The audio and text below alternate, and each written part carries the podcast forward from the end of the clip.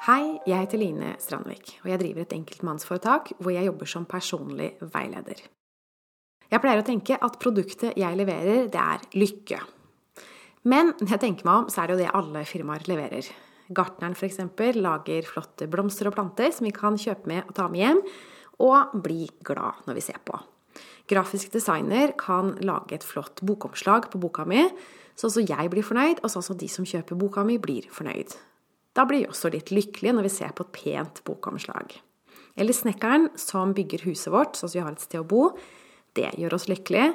Eller Hense Maurits som lager billige klær som vi kan ta på oss og føle oss vel i. Det gjør oss lykkelige. Og for ikke å snakke om alle restauranter, kafeer og barer hvor vi kan spise god mat og drikke noe godt drikke, snakke med gode venner. Det gjør oss også lykkelige.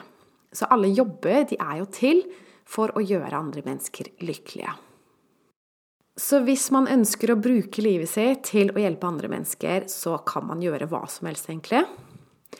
Jeg har en fortid som sivilingeniør. Og jeg har jobba bl.a. med å lage pumper, kloakkpumper, vannpumper. Og det er jo en viktig jobb. Mennesker hadde blitt veldig ulykkelige hvis ikke de hadde hatt vann i hjemma sine, ikke hadde hatt kloakken pumpa vekk, så det er en viktig jobb. Jeg har også jobba med å lage strømkabler og internettkabler, og det er også viktig. Så alle jobber er jo viktig. Jeg hadde en jobb hvor jeg hjalp andre mennesker til å bli lykkelige. Men jeg slutta i den jobben. Og hvorfor gjorde jeg det?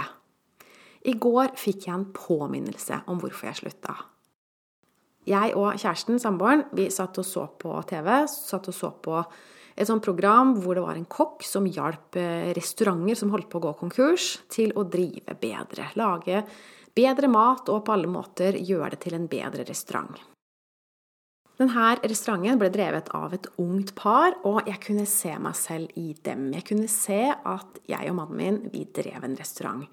Og faktisk har han hatt en liten drøm òg om å drive en restaurant, så vi satt og snakka litt om det og dagdrømte litt. Og så tenkte jeg at eh, ja, det kan vi gjøre, men problemet er da får jeg ikke noe tid sammen med deg, du som lytter på podkasten. For det er nemlig veldig viktig for meg at jeg får tid med deg. Og hvorfor er det så viktig for meg? Denne tanken tok meg tilbake i tid. Tilbake til den gang hvor jeg ikke var der jeg skulle være. Hvor livet føltes tomt og meningsløst. Jeg kan huske at jeg jobba som seniorkonsulent i et mellomstort management-konsulentfirma her i København. Jeg gjorde en bra jobb. De ville ha meg der, de ville gjerne jeg skulle bli der lengst mulig. Jeg fikk en god lønn. Jeg fikk råd til å kjøpe meg en leilighet i København, på Sankthanstorv, som er et kjempehyggelig sted.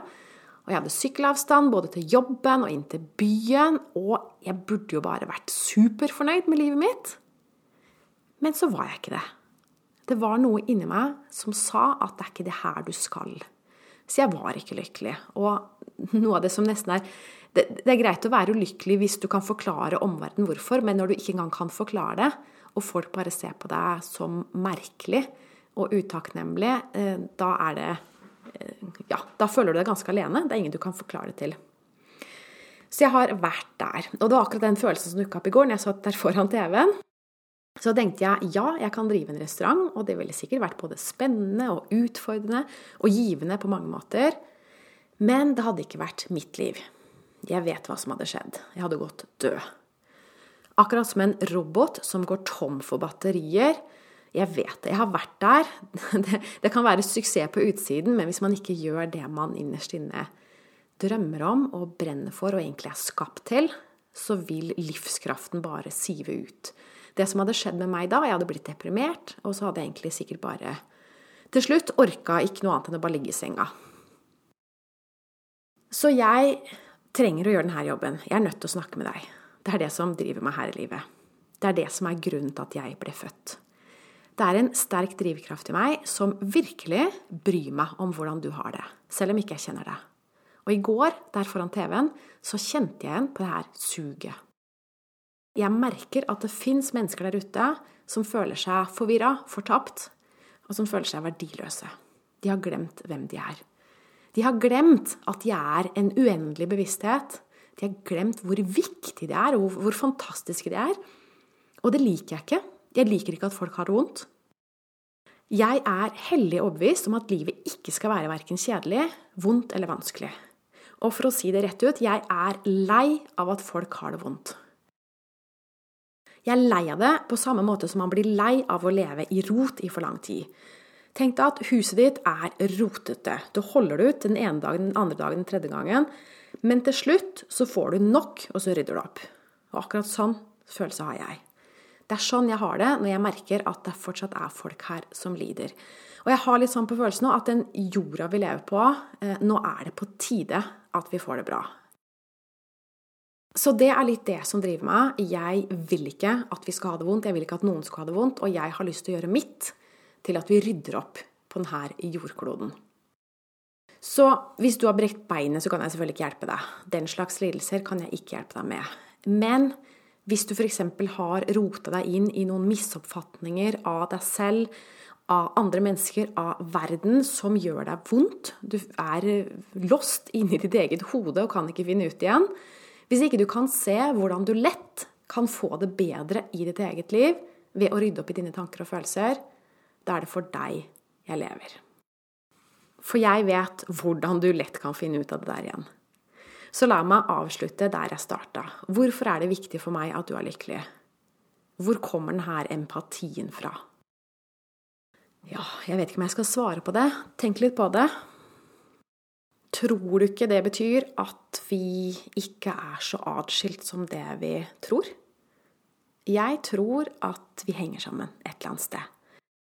Vi er tilsynelatende mange ulike mennesker, men dypest sett så tror jeg at vi er ulike manifestasjoner av den samme bevisstheten.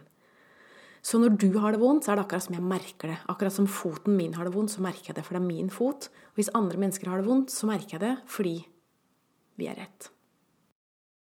Så denne jobben den gjør meg lykkelig. Og det er akkurat som på julaften. Noen ganger så kan det være enda morsommere å gi bort gaver enn å få gaver. Og det er den samme følelsen jeg får òg når noen forteller meg etter å delta på et online-kurs at kurset har redda livet deres. Da blir jeg dypt rørt. Og da vet jeg at jeg gjør den jobben jeg ble satt her for å gjøre. Og det er helt ærlig ikke noe i denne verden som gjør meg lykkeligere enn å vite at jeg har hjulpet andre mennesker å bli lykkeligere. Til slutt så vil jeg minne deg om at du er fantastisk, og at livet er mye enklere enn du har blitt fortalt. Hvis det er noe jeg kan hjelpe deg med, så skriv til meg på line at linestrandvik.no. Takk for at du hørte på. Ønsker deg en fin dag videre. Ha det godt.